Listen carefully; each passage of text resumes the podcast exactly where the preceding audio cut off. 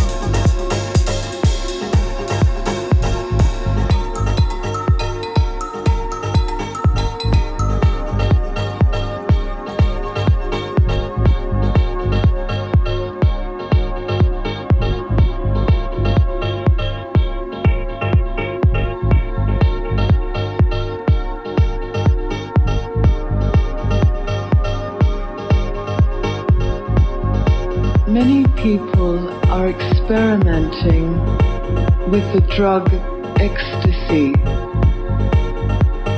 I heard you say once that a lie is sweet in the beginning and bitter in the end.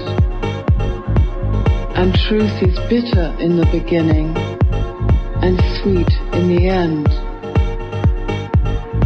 I have been meditating, but I don't have the experiences people report from the drug ecstasy?